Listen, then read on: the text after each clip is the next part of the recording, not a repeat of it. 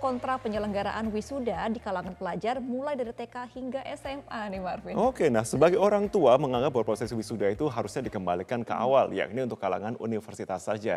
Tapi ada warganet yang bahkan meminta Mendikbud Nadiem Makarim, kita simak bersama, untuk meniadakan prosesi wisuda untuk tingkat sekolah TK hingga SMA pemirsa. Protes orang tua murid soal adanya wisuda di tingkat TK hingga SMA ramai di media sosial. Bahkan akun sosial media milik Menteri Pendidikan dan Kebudayaan juga dibanjiri protes orang tua. Para orang tua ini mengeluh mengenai biaya wisuda yang tergolong mahal. Selain itu, para orang tua murid juga harus dipusingkan dengan biaya masuk sekolah.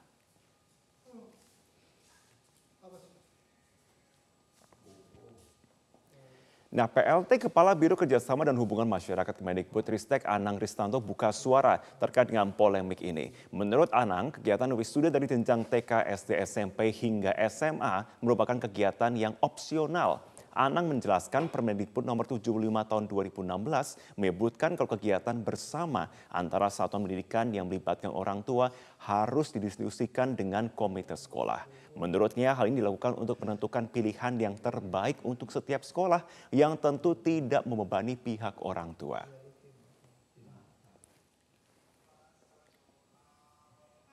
Menurut saya sih sebenarnya nggak apa-apa juga. Sebenarnya dari kalau misalnya untuk TK ada wisuda ya nggak apa-apa karena waktu kecil juga sebenarnya ada cuma nggak pakai seragam gitu.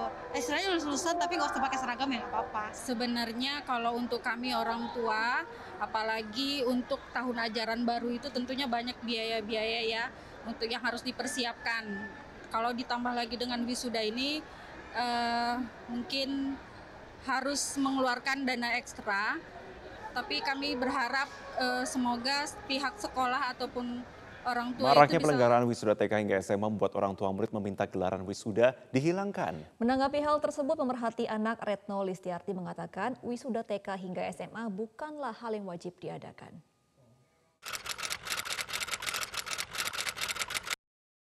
Ya, sebenarnya sih uh, ini pro dan kontra ya. Ini semua terjadi karena sebenarnya tidak pernah ada aturan terkait dengan wisuda. Apakah boleh atau tidak boleh gitu. Nah, kira-kira memang kebiasaan melakukan wisuda dari TK gitu ya sampai eh, SMA atau SMK itu kira-kira baru terjadi sebenarnya 10 tahun yang lalu lah. Nah, tadinya kan hanya sekolah-sekolah swasta yang melakukan itu. Lalu berkembang itu terjadi di sekolah-sekolah negeri. Awalnya HSMA, SMA, SMK gitu yang tadinya melakukan uh, wisuda gitu ya, prosesi wisuda. Tapi kemudian turun ke SMP, SMP ke SD, lalu ke TK. Jadi sekarang seluruh jenjang pendidikan ada wisudanya, bahkan dengan menggunakan toga gitu ya. Jadi mulai menjamur gitu. Sebelumnya nggak ada sih uh, di 10 tahun sebelumnya gitu. Karena ketiadaan aturan yang tidak menyatakan melarang gitu ya atau menyuruh gitu. Itu kemudian menjadi peluang bagi banyak sekolah melalui surat-surat edaran kepala sekolah. Jadi diprogramkan juga oleh sekolah. Jadi itu bagian program tahunan bahkan ada yang uh, apa menabung gitu ya misalnya untuk kegiatan itu. Nah, ini uh, apa uh, ini yang dimanfaatkan celah ini sebenarnya oleh sekolah dan tidak pernah ada larangan dari dinas-dinas pendidikan kan. Nah, karena tidak ada larangan, maka ini terus berjalan. Bahkan di sekolah-sekolah di bawah Kementerian Agama, kalau lu apa lulus tafis eh, misal Quran gitu, mereka sama gitu ya, di wisuda pakai selempang dan lain-lain. Ini yang uh, kemudian akhirnya karena udah 10 tahun ya, orang menganggap ini menjadi sesuatu yang wajib.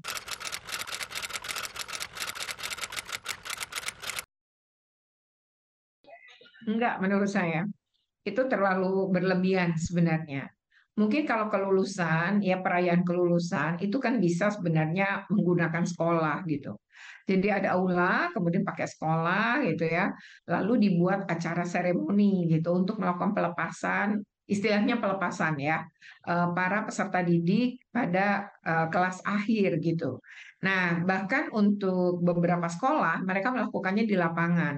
Jadi dihadiri oleh orang tua, kemudian anak kelas 12 misalnya SMA, kemudian anak kelas uh, 10 dan 11-nya itu juga ada di lapangan. Lalu uh, uh, dilakukanlah seremoni pelepasan tadi gitu ya oleh pimpinan sekolah, oleh guru, kemudian anak-anak yang berprestasi itu kemudian maju diberi penghargaan. Itu yang sebenarnya biasa terjadi gitu. Jadi menurut saya wisuda itu ya sebaiknya di perguruan tinggi aja. Mungkin kalau di, di jenjang SD, eh, maaf di jenjang TK, SD, SMP, SMA, sebaiknya bentuknya adalah pelepasan. Kalau pro dan kontranya sendiri sebenarnya karena orang menganggap ini sebagai sebuah perayaan, kebanggaan, karena banyak orang tua juga bangga gitu, terus berfoto-foto kan ya dengan anaknya dengan baju wisudanya gitu. Nah, lalu yang uh, ada anggapan juga yang menganggap ini sebagai berlebihan, apalagi sampai TK gitu ya. Nah, lalu yang kemudian saat ini mulai berkembang adalah SMA, SMK dan SMP pun meniru perguruan tinggi. Jadi pakai ke salon, bikin apa namanya kebaya, bikin jas gitu. Jadi akhirnya di sinilah pangkal masalahnya kemudian menjadi mahal.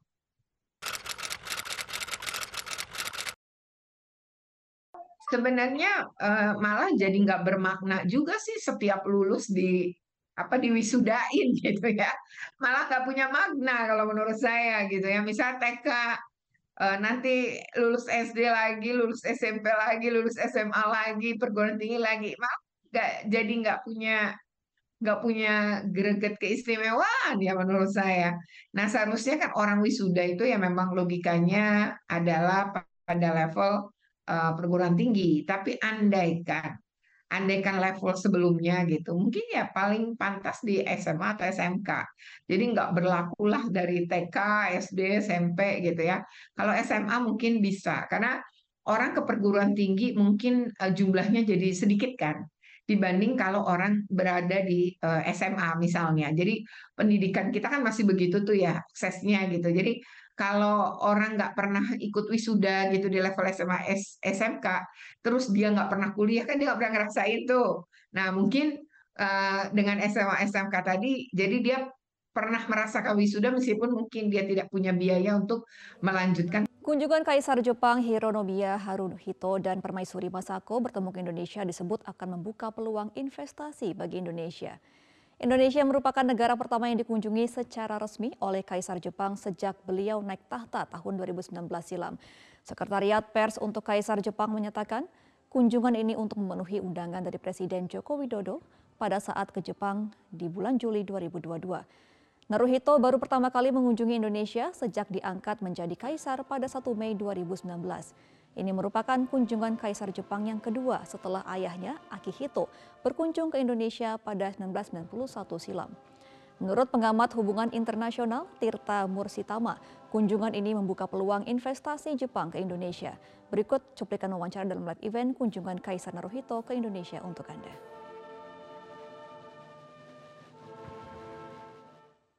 Tentu justru menurut saya ini pintunya.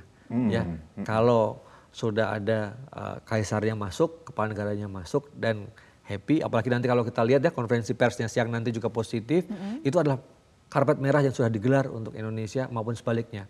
Dan juga memang tidak bisa sendiri. Artinya sisi Jepangnya juga harus masuk, Indonesia juga harus siap menerima, yes. ya. Bahkan juga menerimanya juga tidak hanya sekedar menerima, tapi dia harus proaktif juga. Bagaimana uh, inovatif, inovasi baru untuk investasi ya. Apalagi investasi kan sekarang harus beda dengan zaman dulu lagi ya. Investasi yang berkelanjutan memperhatikan lingkungan ada soal apa uh, climate change ya. Uh, seperti itu yang harus juga pengusaha-pengusaha Jepang harus aware. Dan kalau saya dari, dari pendidikan ya tentu para mahasiswa yang melakukan pertukaran ke Jepang harus yeah. perbanyak. Kemudian peneliti-peneliti untuk peneliti Jepang maupun sebaliknya. Nah saya apa mengusulkan ini Jepang harus punya satu strategi baru ya untuk berdiplomasi di Asia Tenggara khususnya Indonesia mm-hmm. setelah maraknya China ya dengan mm-hmm. dengan Belt and Road Initiative yes. ataupun dengan semuanya lah ya yeah. masuk mm-hmm. ke berbagai negara itu. Nah itu Jepang harus berpikir. Pemirsa, salah satu lokasi yang menjadi tujuan dari kunjungan Kaisar Jepang Naruhito adalah Taman Makam Pahlawan Kalibata. Kaisar akan berkunjung ke TMP pada hari Selasa ini. Kunjungan ini merupakan simbol hubungan antar kedua negara yang sudah terjalin sejak zaman dahulu selama Perang Dunia Kedua. Kaisar Naruhito berharap kunjungan ini akan memicu keterlibatan yang lebih besar di antara pemuda Indonesia dan Jepang. Ia juga menyebut bahwa ia dan istrinya berharap bisa belajar lebih banyak tentang Indonesia. Pemirsa selain manufaktur, kolaborasi Indonesia dan Jepang di tahun ke-65-nya telah menjalar di berbagai bidang.